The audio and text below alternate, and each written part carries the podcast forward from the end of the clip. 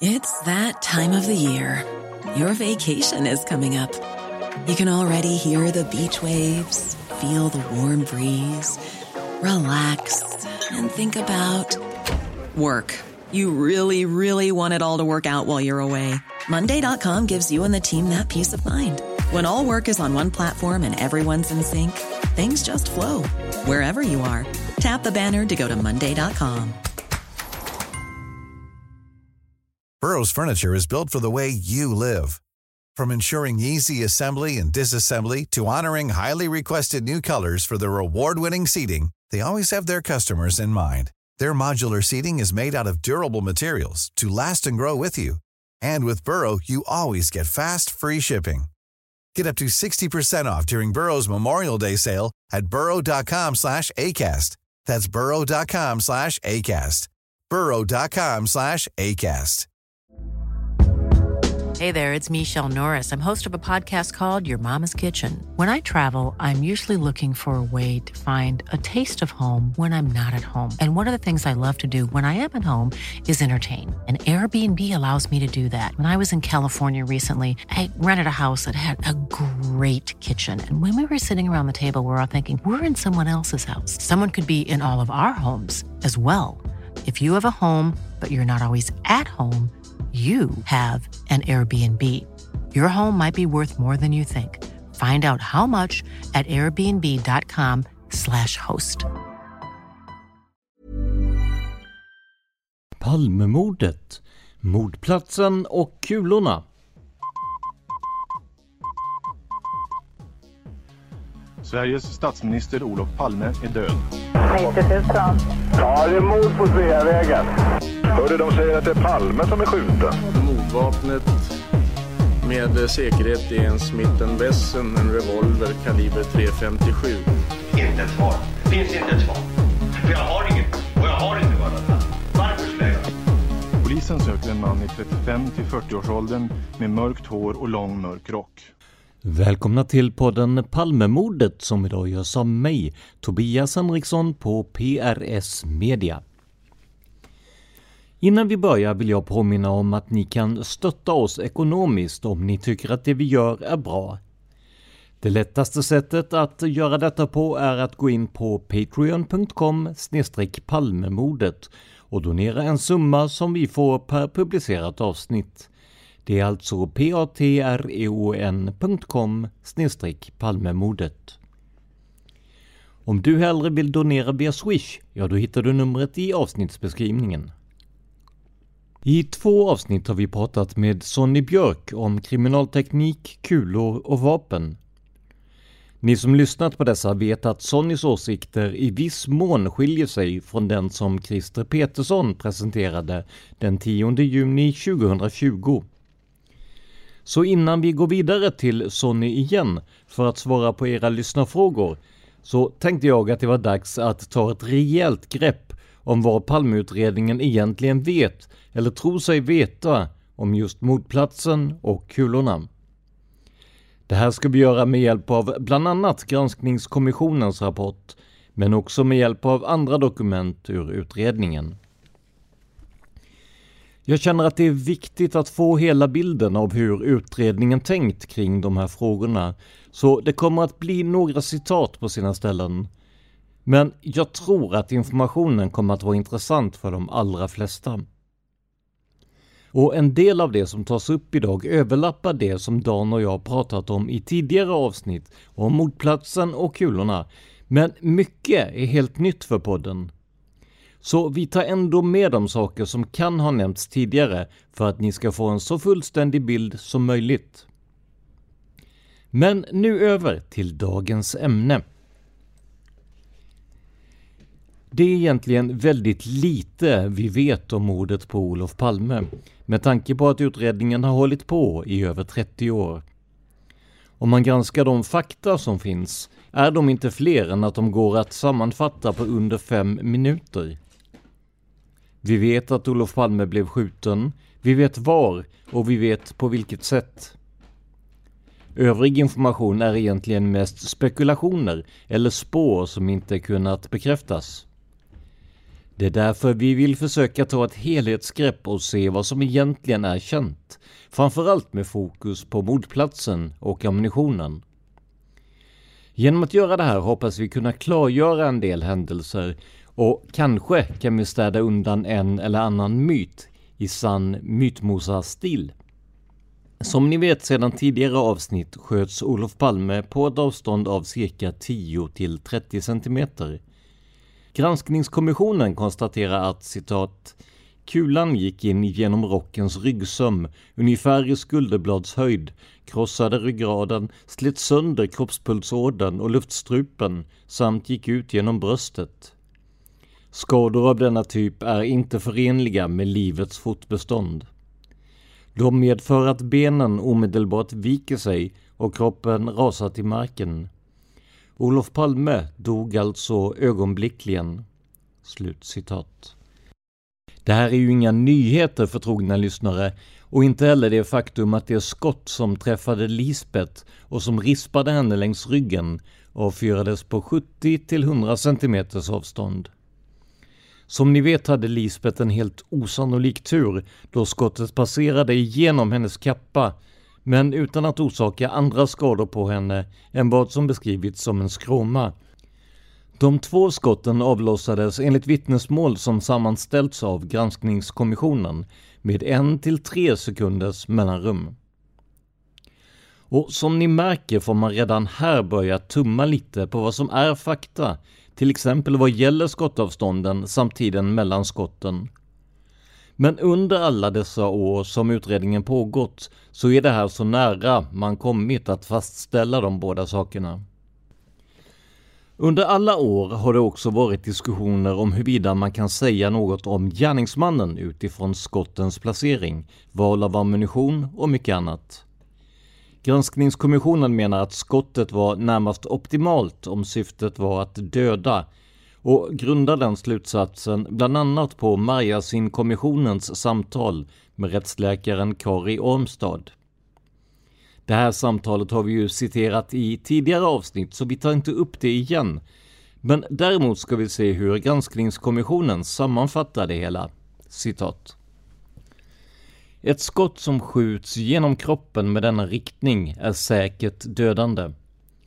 Det rör sig om en cirka 10 cm bred och 20 cm hög träffyta i skulderbladstrakten.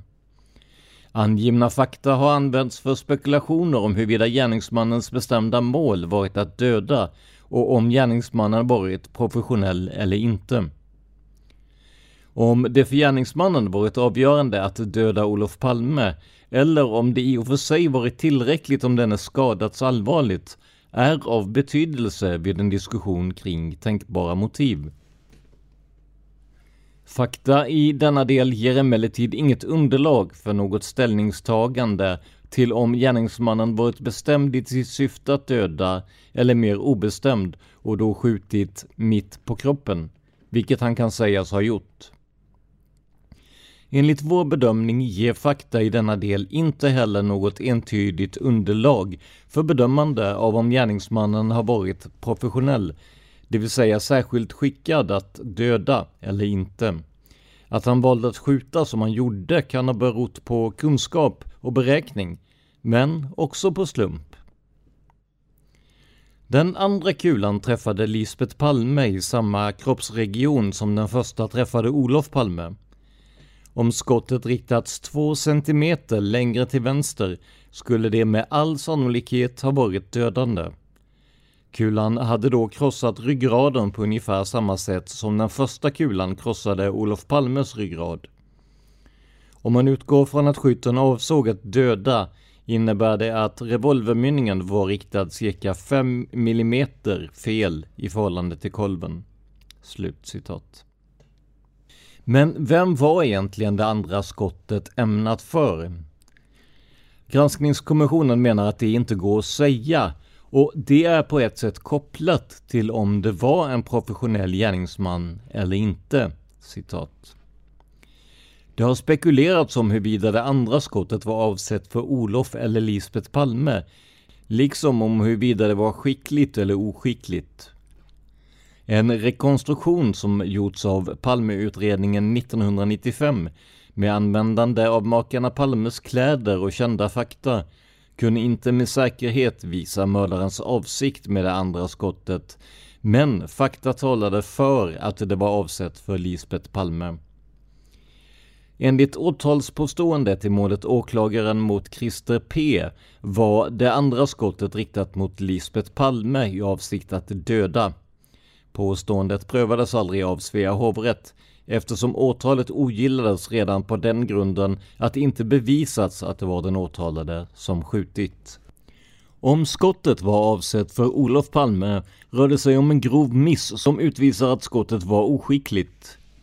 Om skottet var avsett för Lisbeth Palme är det inte möjligt att avgöra i vad mån det var oskickligt.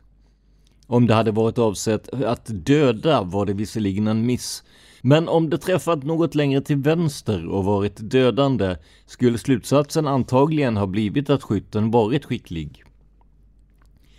Eftersom missen därvidlag, givet omständigheterna i övrigt, får anses ligga inom slumpens marginaler är det i praktiken inte möjligt att av det andra skottet dra någon slutsats om skyttens kompetens. Sammantaget föreligger osäkerhet om vilka slutsatser som ska dras av det andra skottet. Det ger inget entydigt underlag för bedömande av skyttens skicklighet eller professionalism. Slutcitat. Så enligt tillgängliga fakta som granskningskommissionen haft tillgång till kan vi varken slå fast eller utesluta att det var en professionell gärningsman. Och, och samma sak gäller naturligtvis även för en mer oerfaren skytt. På samma sätt är det inte helt fastställt vem som var måltavla för det andra skottet, även om det kom att snudda Lisbeth och därmed har ansetts varit riktat just mot henne.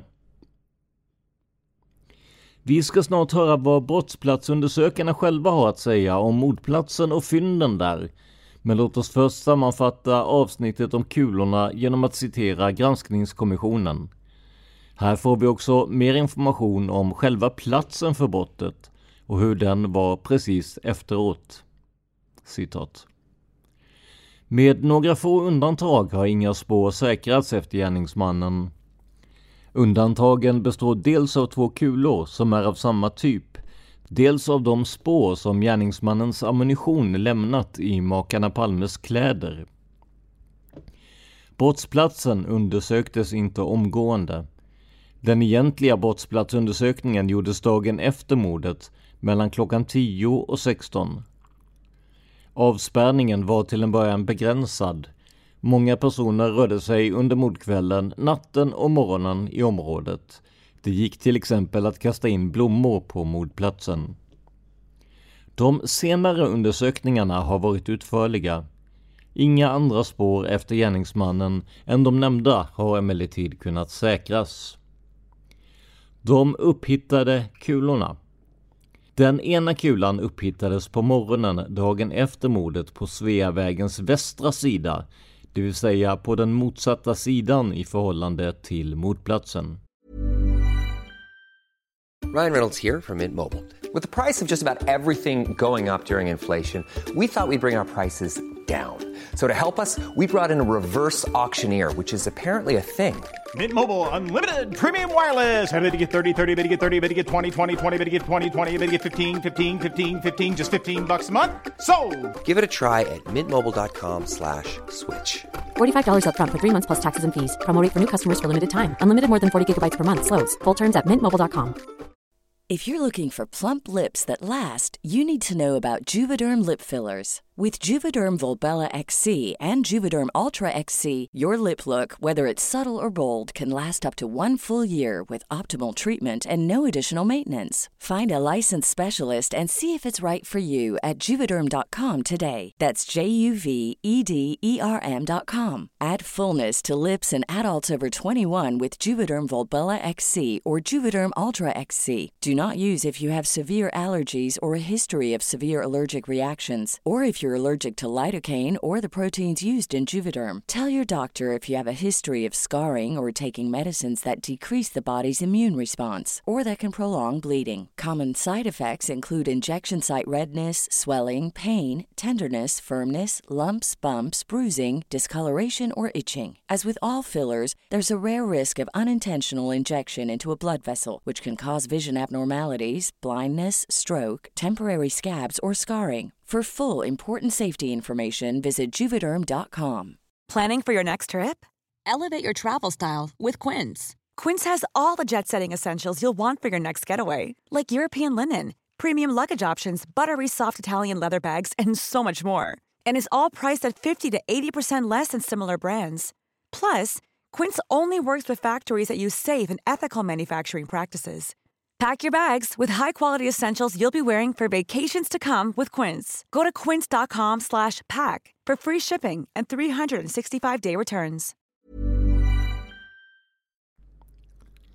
Den andra upphittades ytterligare en dag senare vid lunchtid på samma sida som mordplatsen. Fyndplatserna var belägna cirka 40 respektive 5 meter från mordplatsen. Ingen av kulorna upphittades av polisen. Uppgifterna om hur och var de upphittades har lämnats av de personer som överlämnat dem till polisen. Kulorna har kunnat härledas till tillverkaren. De är av fabrikatet Winchester Western 357 Magnum. De är av så kallad metal piercing typ, vilket innebär att de har en kopparmantel kring blykärnans främre del. Ammunitionen kallas därför ibland metallbrytande. Kulorna har tillverkats ur samma blysats. Satsen kan ha omfattat flera hundratusen patroner som sålts i många länder. De upphittade kulorna har med hjälp av en blyisotopisk undersökning med hög grad av sannolikhet kunnat bindas till de blyfragment de avskjutna kulorna avsatte i Olof och Lisbeth Palmes kläder. Resonemanget bygger bland annat på att de blyrester som återfunnits i makarna Palmes kläder jämförts med de upphittade kulornas blysammansättning. Kulor som hör till samma tillverkningssats har en nära nog identisk isotopsammansättning. Blyresterna i kläderna och de upphittade kulorna visar stor överensstämmelse, men avviker med jämförelseprov från andra kulor. Slutsatsen av detta är att de avskjutna kulorna kommer från samma tillverkningssats som de upphittade. Inom brottsutredningen har man beräknat att leverantören vid den svenska generalagenten levererat knappt 6000 patroner av det aktuella slaget och ur den tillverkningssats som de upphittade kulorna härrör från. Leveranserna har skett under 1979 och 1980. Kulorna är i för undersökningsändamål ganska dåligt skick. De har kunnat användas för jämförande undersökningar av vilken vapentyp de utskjutits ur. De kan vidare användas för att vid jämförelse efter provskjutning utesluta många vapen som mordvapnet. Men de skulle antagligen inte med säkerhet kunna bindas till ett mordvapen. Med andra ord är det möjligt att rätt vapen inte kan bindas till mordet med hjälp av kulorna. Slut citat. Så när kulorna väl hittades var de, som granskningskommissionen konstaterar, i ganska dåligt skick. Man kan ju misstänka att över 30 år av hantering, prover och andra åtgärder inte på något sätt förbättrat det här läget. Som ni hörde i förra avsnittet bedömde NFC att det inte skulle gå att matcha kulor mot vapen med tanke på skicket. Det var också vad före detta Palmeåklagaren Christer Petersson sa till oss. Han menade också att det inte var säkert att det någonsin skulle ha gått att få till en matchning mot ett vapen. Så jag frågade om alla provskjutningar därmed i princip varit i onödan då det inte skulle gått att få ett resultat. Man kan väl säga att man kan eh, tolka NFCs yttrande på det sättet att det har varit svårt redan från början att matcha ihop vapnen men deras bedömning nu är att eh, med den nivå som tekniken står på idag så går det inte att matcha dem eh, tillsammans. Jag vill inte påstå att det varit meningslöst men i takt med att tiden går så, så ändras ju och beroende på hur man har använt eventuella vapen också som har varit aktuella här så minskar ju möjligheten att säkert binda dem till en kula och min bedömning är att, att det kommer inte att ändras in, inom överskådlig tid. Det var alltså den före detta Palmeåklagaren Christer Peterssons syn på det hela.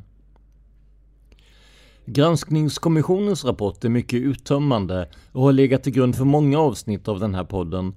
Men samtidigt är den bara en sammanfattning av materialet som kommissionen fått ta del av.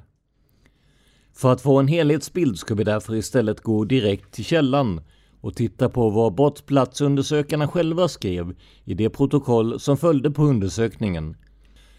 Undersökningen som sådan gjordes på uppdrag av Hans Holmér och det var kriminalinspektörerna Börje Moberg och Torsten Kviberg som var först på plats den 1 mars runt klockan 01.10.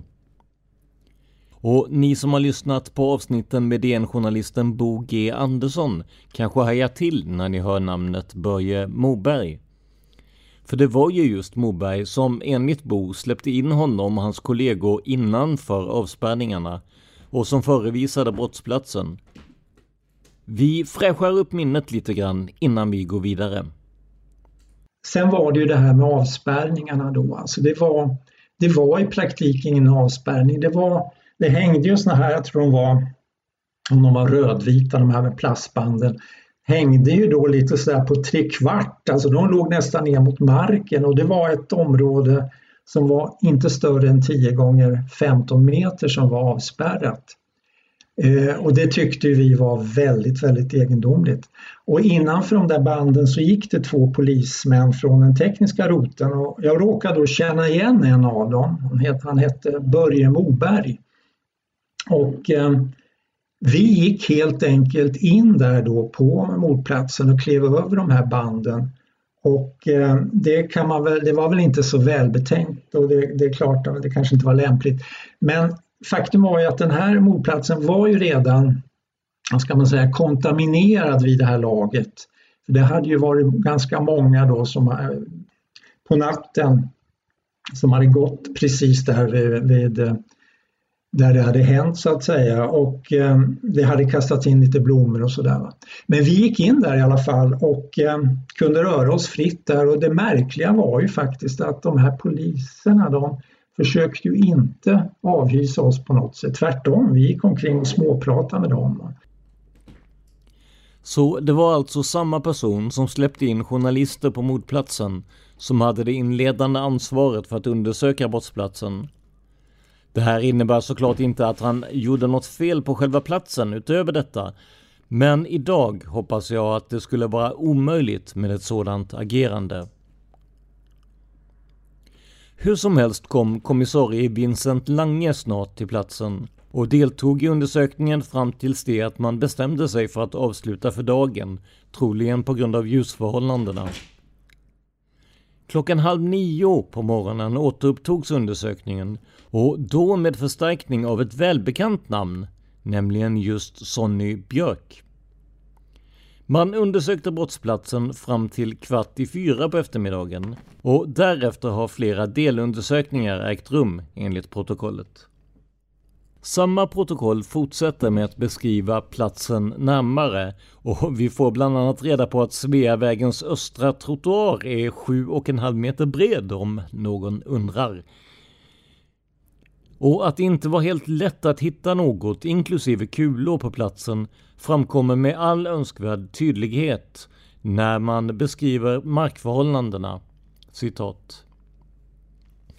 Tunnelgatan och trottoaren på Sveavägen är täckt med ett tunt lager av is och hårt tilltrampad sandblandad snö som på sina ställen är bottnött så att betongplattorna blivit synliga. Ovanpå det hårda snö och islagret finns ett tunt skikt med lös sandblandad snö. På sina ställen intill husväggarna på Tunnelgatan och mot barackbyggnaden finns ej tilltrampad lösare snö i mindre drivor. Trappstegen upp mot Malmskillnadsgatan är det närmaste snö och isfria. Slutcitat. Men åter till kritiken mot avspärrningarna. Journalister kom in och kunde gå omkring fritt där. Allmänheten kunde slänga in blommor och annat med om så önskades. Med tanke på hur noga man tidigare beskrivit platsen för brottet tycker i alla fall jag att man är väldigt summariska i att beskriva avspärrningarna. Om det är medvetet eller inte, ja det har vi ju såklart ingen aning om. Men så här står det i alla fall i protokollet. Citat. Då undersökningen inleddes var brottsplatsen och en del av mördarens flyktväg avspärrad och bevakad av uniformerad ordningspolis. Över Sveavägens östra trottoar mellan husliv och körbana mitt för Tunnelgatan var uppspänt rödvita plastband med texten Polis. Vid Luntmakegatan var plastband uppspänt mellan husväggarna över Tunnelgatan. Under avbrottet i brottsplatsundersökningen ersattes och förstärktes avspärrningarna med kravallstaket. Lördagen den 1 mars klockan 09.15 då undersökningen upptagits med personalförstärkning utökades avspärrningarna till ett tiotal meter söder om Adolf Fredriks kyrkogata, Apelbergsgatan och Sveavägens västra husliv över Tunnelgatan med ett kravallstaket. Slut citat. Vi kommer strax till själva kulorna, deras läge och hur de hittades. Men låt oss först se hur kriminalteknikerna gick tillväga när platsen skulle undersökas. Citat. Med hjälp av handstrålkastare undersöktes motplatsen och den närmaste omgivningen mellan husväggarna på Tunnelgatan och fram till Sveavägens körbana efter eventuella hylsor, kulor och anslag. Därefter genomsöktes Tunnelgatan mellan Sveavägen och Malmskillnadsgatan, i första hand efter vapen. Genomsökningen koncentrerades till innehållet i en container i ett presenningsskjul, byggnadsställningens nedre del, snöhögar, prång och trapporna upp till Malmskillnadsgatan. På morgonen efter personal och materialförstärkning och med hjälp av dagsljus gjordes en förnyad och grundligare undersökning av ovan angivna utrymmen. Husfasader, skyltar, en pelare samt ett mindre träd i en trolig skottsektor granskades efter eventuella anslagsmärken efter kulor. Några sådana skador kunde inte upptäckas, endast en bruten gren som vid senare undersökning visat sig vara avbruten. Med sopkvastar sopades den sandblandade lösa snön på Sveavägens trottoar cirka 10 meter norr och 15 meter söder om blodsamlingen samt cirka 15 meter in på Tunnelgatan. Snön samlades upp i plastsäckar vilka märktes upp med uppgifter om innehållets ursprungliga plats. Säckarna transporterades sedan på lastbil till tekniska rotelns undersökningsrum i garaget för senare undersökning. Snö och istäckta områden på Sveavägens östra och västra trottoarer, körbanor och mittremsa mellan körbanor cirka tiotal meter norr om motplatsen och fram till Apelbergsgatan avsöktes med hjälp av metalldetektor av kriminalinspektör Gunnar Lundqvist Klockan 14.50 påbörjades sopning av Sveavägens östra trottoar, norrgående körbana och mittremsa mellan norr och södergående körbanor från mordplatsen fram till Apelbergsgatan med en från Stockholms gatukontor rekvirerad sopmaskin förd av verkmästare Olve B. Den uppsopade sandblandade snön transporterades sedan till polishusets gård och tippades på en presenning i nära anslutning av hissen till tekniska rotelns undersökningsrum i garaget för senare undersökning. Efter undersökningen av mordplatsen och den närmaste omgivningen har flera delundersökningar ägt rum. Bland annat har troliga flyktvägar och sidogator mellan mordplatsen och Birger Jarlsgatan genomsökts efter eventuellt tappade eller kastade föremål. Omhändertagna sopor från fastigheter inom området och innehållet i fem containers som transporterats in till polishusets gård har undersökts. Genomgång och undersökning av Johannes kyrkogård, inhägnade gårdar, källarutrymmen, en järnvägsvagn och fordon har ägt rum. Dessutom har från allmänheten inkomna tips angående kastade eller gömda vapen på olika ställen kontrollerats. Slutcitat. Totalt tillvaratog man under den första undersökningen ungefär 25 säckar med snö, is och grus samt en kubikmeter snö, is och sand som sopats upp med sopmaskin. Men kulorna hittade man alltså inte. Det var det privatpersoner som gjorde. Så här säger protokollet om fynden, citat. Kula nummer ett anträffades enligt uppgift av T. Alfredo, boende adress Stockholm. T blev på morgonen väckt av en bekant som berättade om mordet. Han begav sig då till platsen och hittade en kula på trottoaren utanför Sveavägen 29. Kulan låg omedelbart intill två vattenrännor som går mellan stuprören i huslivet över trottoaren och ut i körbanan. T överlämnade kulan till en uniformerad polis på platsen. Kula nummer två anträffades enligt uppgift av Elisabeth B boende i Handen. B fann sig på brottsplatsen som åskådare när hon såg något som blänkte till i snömodden på trottoaren invid jalusigallret till tunnelbanenedgången. B böjde sig ner och tog upp föremålet och överlämnade det till en polis på platsen. Slutcitat. Så båda kulorna hittades av privatpersoner och hade dessa varit mer illvilliga hade vi kanske stått här idag och inte ens haft kulorna som dödade Olof Palme och skadade Lisbeth. Tack och lov att det inte blev så. Och jag ska säga att ett förhör med Elisabeth B har begärts ut och finns på palmemordsarkivet.se. Men detta är så maskat att det i stort sett inte ger någonting. Speciellt inte om man ska läsa upp det i en podd. Och när jag såg efter hittade jag inget förhör med Alfredo T som alltså hittade den andra kulan.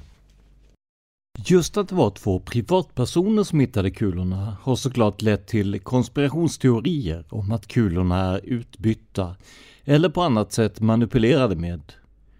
Och även om det inte helt kan uteslutas kan vi i alla fall säga att det är ytterst osannolikt med tanke på hur väl de matchar blyisotoperna på paret Palmes kläder.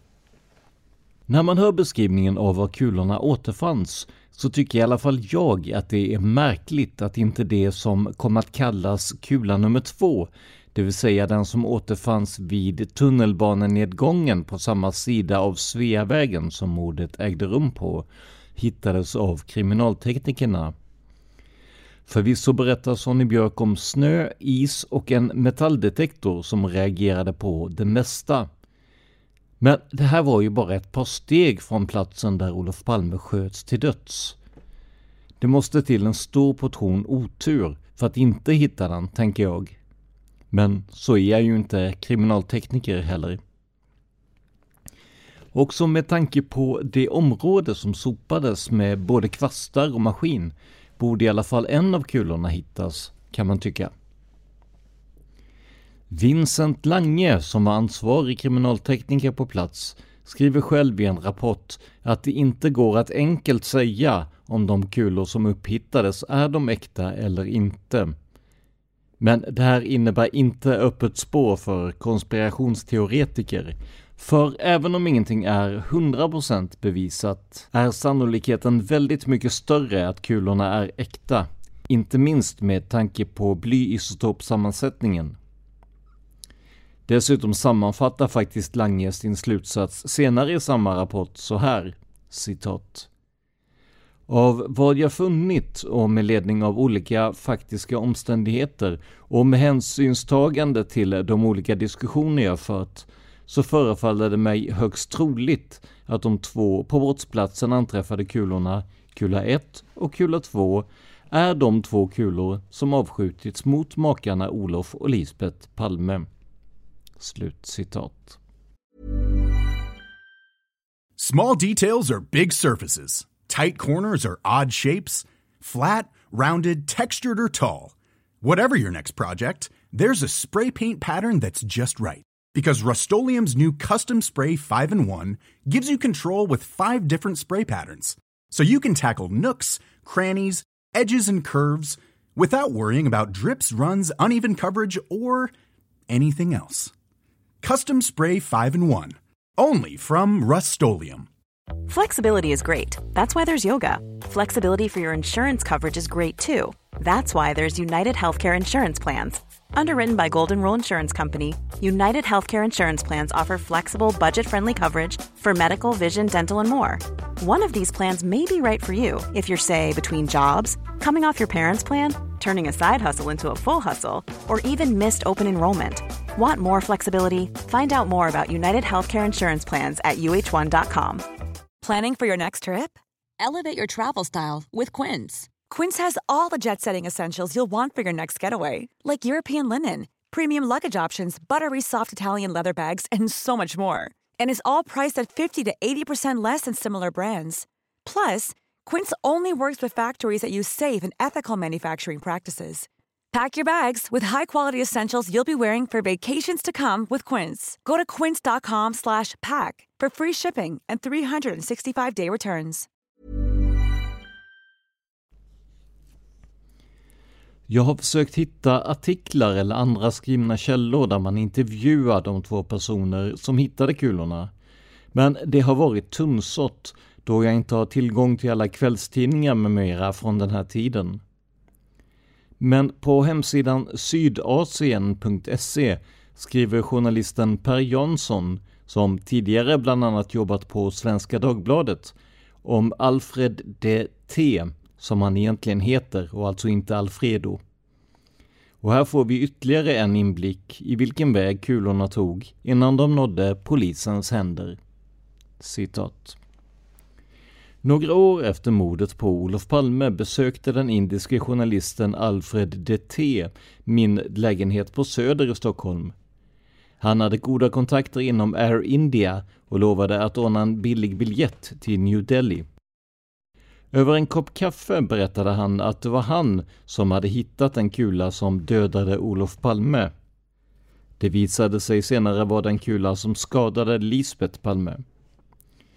Dagen efter mordet gick han till korsningen Tunnelgatan-Sveavägen. Där försatte han sig i självhypnotisk trans som stärkte hans sinnen och analyserade sedan hur kulan kunde ha färdats och hittade en kula på asfalten i snömodden 40 meter från mordplatsen.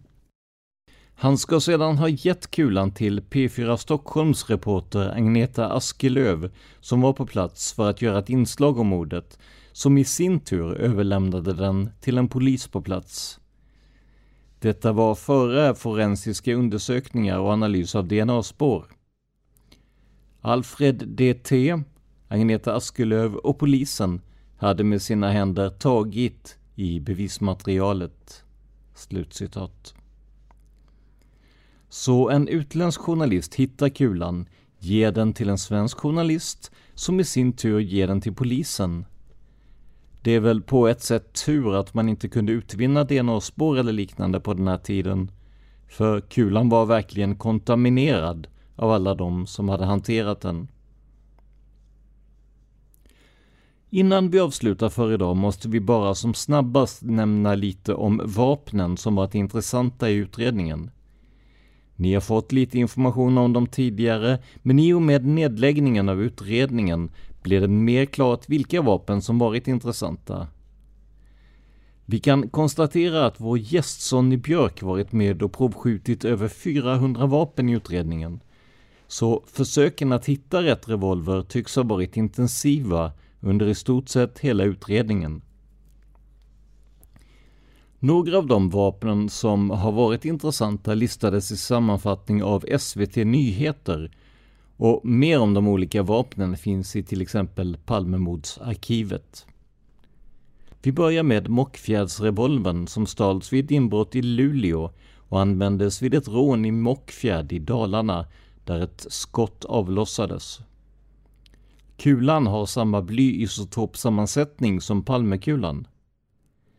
När vapnet hittades av tidningen Expressen i en sjö i Dalarna 2006 var revolverpipan förstörd av rost och det gick inte att slå fast om vapnet använts vid Palmemordet. Suxdorfsrevolvern Vapnet stals hemma hos filmaren Arne Suxdorf. Mannen som stal vapnet hävdar att han sålde revolvern för 2000 kronor. Vapnet är fortfarande försvunnet. Kungsträdgårdsvapnet. Här skriver SVT att vapnet ägdes av en person som var aktuell i Palmeutredningen. Men vi vet ju att det är Christer A som avses. För när polisen ville provskjuta vapnet sa mannen att han sålt revolvern till en okänd man i Kungsträdgården i Stockholm. Dessutom skriver Expressen att mannen sköt sig när polisen kom, vilket gör det klart att det rör sig om just Christer A. Helsingborgsvapnet, ja det stals 1983 från en skytteklubb i Helsingborg och var också intressant i utredningen. Linköpingsvapnet, ja det stals men har senare hittats. Men eftersom pipan var avsågad så kunde det inte provskjutas. Till sist har vi såklart vapensamlarens revolvrar. Vapensamlaren var ju god vän med den så kallade Skandiamannen, alltså Stig E. Och han ägde åtminstone fem revolvrar enligt SVT som kunde vara möjliga Palmevapen. Så vad står vi nu egentligen? Alla års utredning har gett oss kulor som kanske går eller inte går att matcha mot ett vapen som inte går att hitta. Ser man till teknisk bevisning förstår man absolut varför mordet på Olof Palme varit så svårt att lösa. Att det, som vi pratade om i förra avsnittet, inte kan uteslutas att det är ett vapen av en annan tillverkare än Smith Wesson gör det hela än svårare. Vi pratade i början av avsnittet om vad som var fakta i utredningen. Efter att ha lyssnat på det här kanske ni också börjar fundera på om det vi vet om vapnet och kulorna är just fakta eller bara olika välgrundade hypoteser. För om man tolkar faktabegreppet riktigt hårt är det inte mycket mer vi vet idag än vad vi visste den 1 mars 1986 dagen efter att Olof Palme miste livet. Detta trots en utredning som redan 1996 kostat en halv miljard. Och detta trots 250 hyllmeter med material om mordet. Idag har vi i alla fall försökt bena ut lite fakta vad gäller det rent kriminaltekniska och vi hoppas såklart att Sonny Björk kan hjälpa oss ytterligare med detta i kommande avsnitt. Om ni gillar true crime men tycker att vi kommer ut för sällan så finns det ett stort antal andra poddar att lyssna på med ungefär samma inriktning. Dan gör både Seriemördarpodden och Massmördarpodden som premiumpoddar på Podmi och dessutom Mördarpodden tillsammans med Josefin Måhlén. Till det kommer podden Olösta mord så om ni saknar Dans väna stämma i podden, in och lyssna på någon av hans andra poddar. När tid finns kommer också min podcast om konspirationsteorier och myter att uppdateras med nya avsnitt. Den finns överallt där poddar finns och heter Tänk om. I dagsläget finns det ett 30-tal avsnitt att lyssna på. Innan vi rundar av vill jag förtydliga en sak. Den här podden och många av våra andra poddar ges ju ut av Acast. I dagarna har många hört av sig till oss och varit oroliga eftersom de hört att Acast ska lägga ner. Men riktigt så illa är det inte. Acast har valt att avveckla sin egna app för Android och iOS, men själva plattformen och distributionen finns kvar. Så alla poddar som ligger på Acast kommer att fungera precis som vanligt i framtiden. Den enda skillnaden är att ni får vänja er vid en annan app, som till exempel Spotify, iTunes eller Google Podcast. Om du har frågor om hur du når oss utan Acasts app, mejla oss på podden Palmemordet gmail.com Alltså podden Palmemordet i ett ord at gmail.com så ska vi försöka hjälpa till. Jag vill också påminna om att ni har möjlighet att stötta oss ekonomiskt och därmed hjälpa oss att göra en ännu bättre podd. Alla sätt att göra detta på hittar du i avsnittsbeskrivningen. Det här var veckans avsnitt av podden Palmemordet som idag gjordes av mig, Tobias Henriksson på PRS Media. För mer information om mig och mina projekt besök facebook.com prsmedia.se eller gilla oss på Instagram där vi heter PRS Media. Ett ord, små bokstäver. Tack till alla som sponsrar, hör av sig och kommer med feedback. Men framför allt, stort tack för att du lyssnar på podden Palmemordet. Man hittar Palmes mördare om man följer PKK-spåret till botten. Därför att ända sedan Julius Caesars tid har det aldrig hört talas om ett mord på en framstående politiker som inte haft politiska skäl.